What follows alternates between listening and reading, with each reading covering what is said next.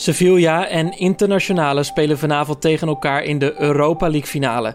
Een wedstrijd met een behoorlijk Nederlands tintje, want Luc de Jong die speelt bij de Spanjaarden, terwijl Stefan de Vrij voor de Italianen zal uitkomen.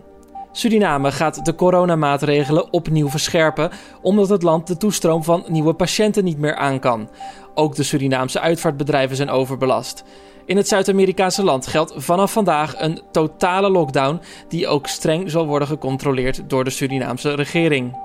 En in Frankrijk loopt het aantal besmettingen snel op. Waar de Franse president Emmanuel Macron in maart nog met strikte regels kwam, een verplichte lockdown, lijken de maatregelen nu wat soepeler van aard te zijn.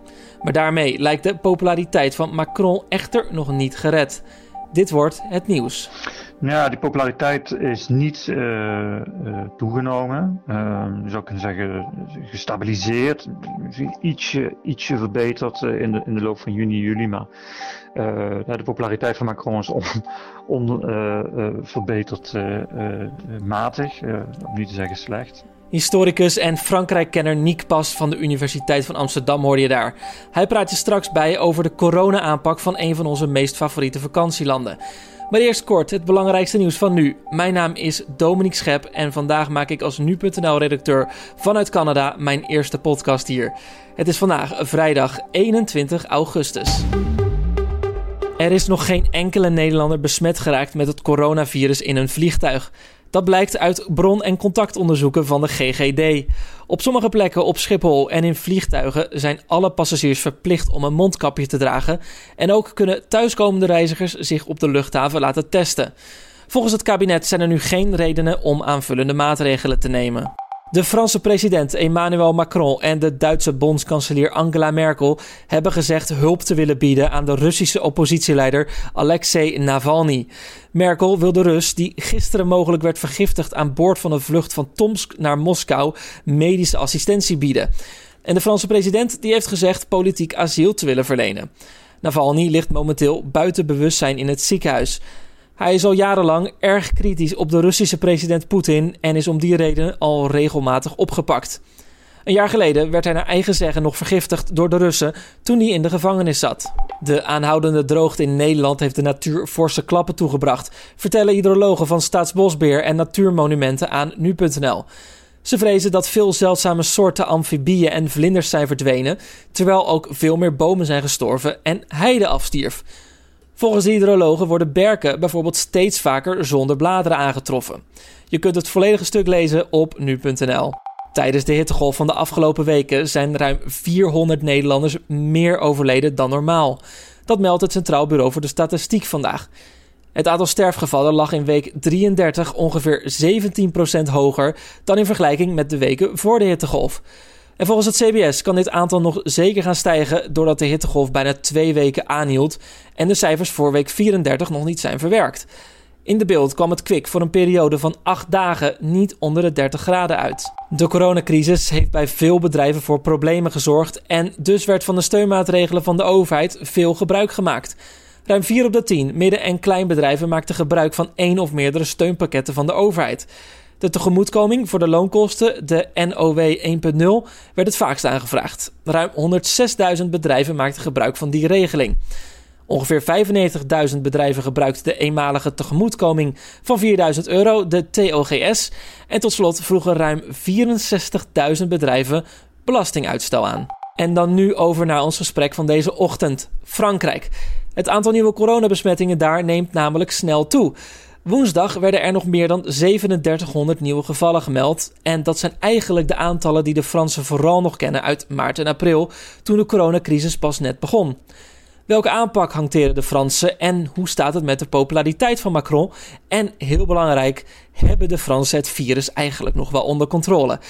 Dat vroeg mijn collega Julien Dom aan Nick Pas. Hij is historicus en Frankrijk-kenner aan de Universiteit van Amsterdam. Nou, het lijkt erop, net zoals uh, in uh, Nederland trouwens, dat het uh, virus weer om zich heen grijpt. weer aan een nieuwe opmars is begonnen. Um, de vraag is natuurlijk of het ooit echt weg is geweest. zeer waarschijnlijk niet. Um, en deze opmars die is, die dateert al van, van medio juli. En je ziet parallel aan die verbreiding dat er ook nieuwe maatregelen zijn genomen. Een van die nieuwe maatregelen waarmee de regering komt is een mondkapjesplicht vanaf 1 september bijvoorbeeld op het werk. Enig idee waarom de regering uh, hierop inzet, een mondkapjesplicht op het werk? Nou, dat heeft er vooral mee te maken dat uh, een aantal nieuwe clusters uh, zich hebben voorgedaan, juist in de werkomgevingen, op de werkvloer. dus dat is eigenlijk de hele directe reden. een meer algemenere reden is dat de overheid uh, hoopt op deze manier, dus via mondkapjes verplicht stellen, ja, de clusters in te dammen en die verspreiding tegen te gaan. Dus dat is ander beleid dan dat is gevoerd vanaf maart dit jaar. Waar ging het toen over?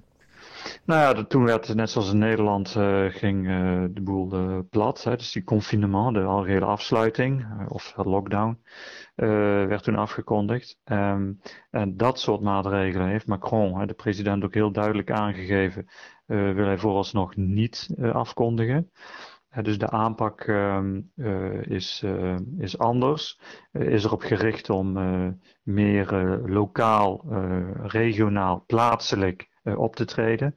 En daarnaast uh, ja, maatregelen te koppelen aan het allengs verplicht stellen van mondkapjes. Onder andere op het werk. Is er ook nog een reden dat 1 september is gekozen vanwege de vakanties? Want die zijn nog in volle gang binnen heel Europa tot met eind augustus. Kan dat met elkaar te maken hebben?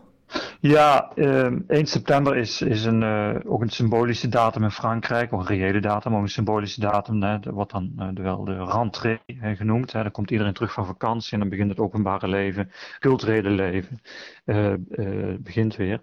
Um, dus dat heeft daar ongetwijfeld mee te maken. In Frankrijk gaat men doorgaans of in juli of in augustus op vakantie.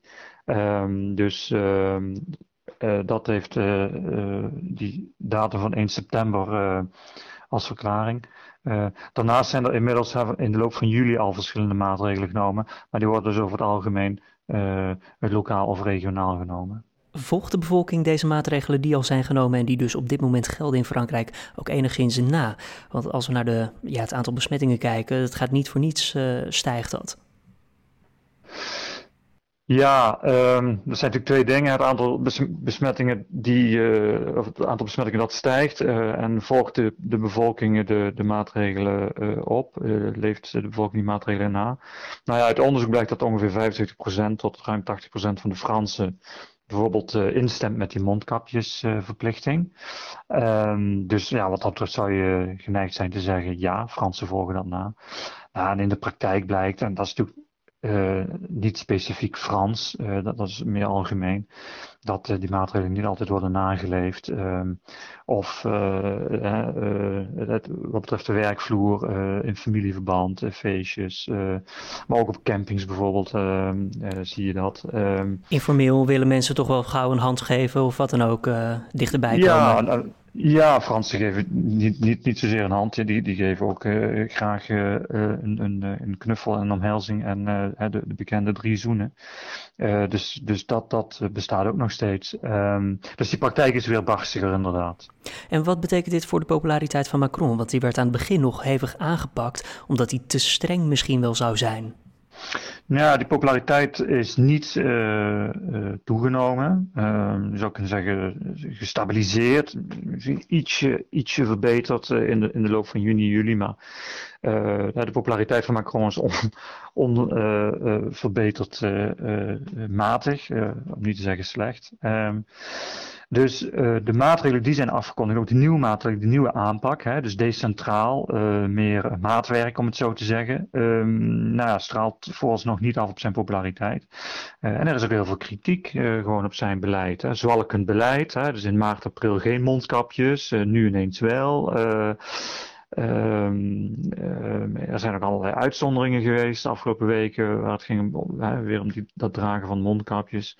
Nou ja, uh, dus. dus, dus uh, Oftewel, de nou Fransen weten niet echt waar ze aan toe zijn. Ja, ze.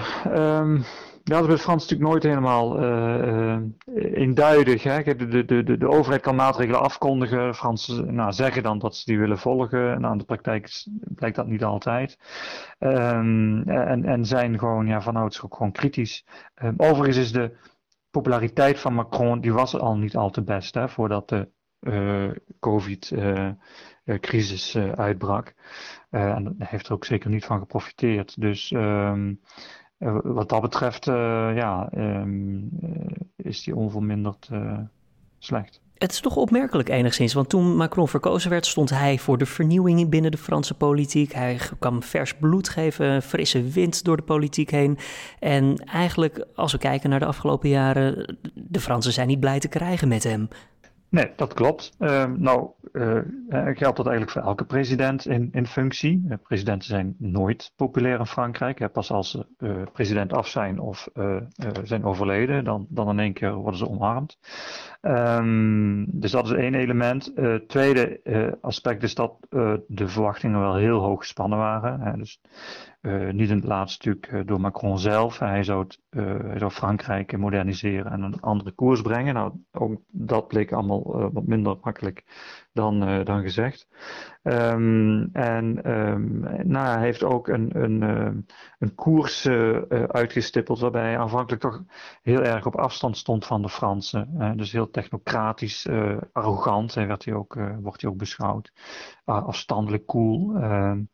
Ehm, en uh, ja, dat heeft zijn populariteit zeker ook niet uh, goed gedaan. Um, en um, dat maakt ook dat eigenlijk alles wat, wat in Frankrijk gist en borrelt en wat er mis is met die Franse samenleving, of nou ja, wat, wat voortdurend in ontwikkeling is, dus economisch, maatschappelijk, uh, dat het als daar ook geprojecteerd wordt op de persoon, de figuur Macron, de president. Um, ja, dat maakt ook dat hij Ehm, dat die populariteitscurve heel snel gedaald is. Ja, dus nog een allerlaatste element, dat is wel belangrijk. Ehm, Macron is natuurlijk gekozen in 2017 um, in, een hele bijzondere context, waarbij relatief weinig Fransen echt voor hem met hart en ziel hebben gestemd. Dus zijn sociale electorale basis is relatief smal. He, er waren over het algemeen toch de hoog opgeleide uh, Fransen uit, uh, uit de grote steden. Uh, en Frankrijk is natuurlijk veel meer dan dat. En zou Macron nog een omkeer kunnen brengen met misschien een soort van economisch plan om Frankrijk nu toch te redden? Want als we even kijken naar het tweede kwartaal, toen heeft Frankrijk ook dubbele cijfers laten zien als het gaat om een, terugval van de economie. Is er iets wat de regering op stelte heeft gezet, op poten heeft gezet om die economie weer een zetje vooruit te geven? Ja, zeker. Uh, die economie is inderdaad met, dubbele cijfers uh, uh, gekelderd de uh, afgelopen maanden. Maar de, de, het herstel is er ook. Uh, dus dat gaat ook vrij, vrij vlot. in ieder geval niet dramatisch slecht, laat ik het zo zeggen. en je moet enkele dagen wachten, want de regering heeft voor 25 augustus een, een project maatregelen aangekondigd, een herstelpakket van maar liefst 100 miljard. dat in de economie geïnjecteerd wordt. Uh, en dat wordt dan bekendgemaakt, hè, dus 25 augustus. Um, waarbij ze allerlei steunpakketten voor midden- en kleinbedrijf, voor innovatieve industrieën, voor um, bedrijven die bijvoorbeeld een productie weer naar Frankrijk terughalen. Hè, dus dat is ook een verhaal wat uh, gevoerd wordt. Um, en, en daar hoopt misschien uh, Macron ook op politiek gezien en met het oog op zijn populariteit een aanzienlijk deel van dat hersteltraject, van dat geld, zal worden besteed aan de ecologische transitie. Uh, dus uh, zeg maar de vergroening uh, van, van Frankrijk, van de Franse economie. Um, en, nou, en dat is een van de, ook de politieke dossiers waar Macron hoopt ja, punten ook mee, mee te scoren. Nick Pas, historicus en Frankrijk-kenner aan de Universiteit van Amsterdam, hoorde je. Verder dan de nieuwsagenda voor vandaag. We horen namelijk of bestaande koopwoningen weer duurder zijn geworden van het CBS. In juli bleek dat de koopwoningen 7,6% duurder waren geworden ten opzichte van juni. En in juli kwam de gemiddelde verkoopprijs uit op 335.000 euro. En dat was bijna 9% meer dan een jaar eerder. Sevilla en Internationale nemen het vandaag tegen elkaar op in de eindstrijd van de Europa League. En tijdens die wedstrijd is Nederland wel erg goed vertegenwoordigd vanavond. Luc de Jong die speelt bij de Spanjaarden, terwijl de Italianen Stefan de Vrij in de gelederen hebben. Scheidsrechter Makkeli, ook een Nederlander, fluit bovendien voor het eerst een Europese finale. De aftrap is in Keulen om 9 uur en de wedstrijd is live te volgen via een blog op www.nu.nl. Suriname haalt de teugels weer aan voor wat betreft het coronabeleid. President Chan Santokki maakte deze week bekend dat de Surinaamse zorg de toestroom van coronapatiënten niet langer meer aan kan. En ook de uitvaartbedrijven zijn overbelast. En dat betekent dat vanaf vrijdagavond er in het hele land een totale lockdown geldt. En de overheid heeft ook gezegd dat het naleven van deze maatregelen extra scherp zal worden gecontroleerd. Dan het weer. Vandaag kan er eerst nog een forse onweersbui voorkomen, mogelijk vergezeld door hagel en zware windstoten. Overdag vallen er vooral in het oosten enkele buien met kans op onweer. In het westen blijft het vrij zonnig en ook in de rest van het land klaart het later op de dag op. Het wordt zo'n 24 tot 28 graden. Dit weekend ziet er goed uit, dan wisselen zon en buien elkaar af en zal de middagtemperatuur zakken naar zo'n 20 graden. Zaterdag kan er nog wel een stevige zuidwestenwind staan. En dan nog dit. Fans van Gordon die moeten nog heel even wachten op zijn muzikale comeback. De zanger heeft namelijk besloten deze voorlopig uit te stellen vanwege de nieuwe coronamaatregelen. Hij zou deze week meerdere keren gaan optreden in een restaurant op station Amsterdam Centraal, maar dat gaat nu dus niet meer door. Het zouden zijn eerste concerten worden sinds hij in 2016 aankondigde te stoppen met zingen. De 52-jarige Gordon besloot afgelopen jaar dat het weer tijd was om opnieuw de microfoon op te pakken. En tot zover de ochtendpodcast van vrijdag 21 augustus. Heb je tips of feedback? Laat het vooral weten via podcastapenstaartje.nu.nl. En daar kunnen ook vragen naartoe voor hoofdredacteur Gertjaap Hoekman. Hij behandelt elke vrijdag lezersvragen. Bijvoorbeeld hoe wij als redactie tot onze nieuwskeuzes komen en hoe wij bepalen wat we wel en niet meenemen op onze website. Ook die vragen kun je sturen naar podcastapenstaartje.nu.nl. Ik wens je een fijne dag, een goed weekend en tot maandag. Dan zijn we er gewoon weer om 6 uur ochtends.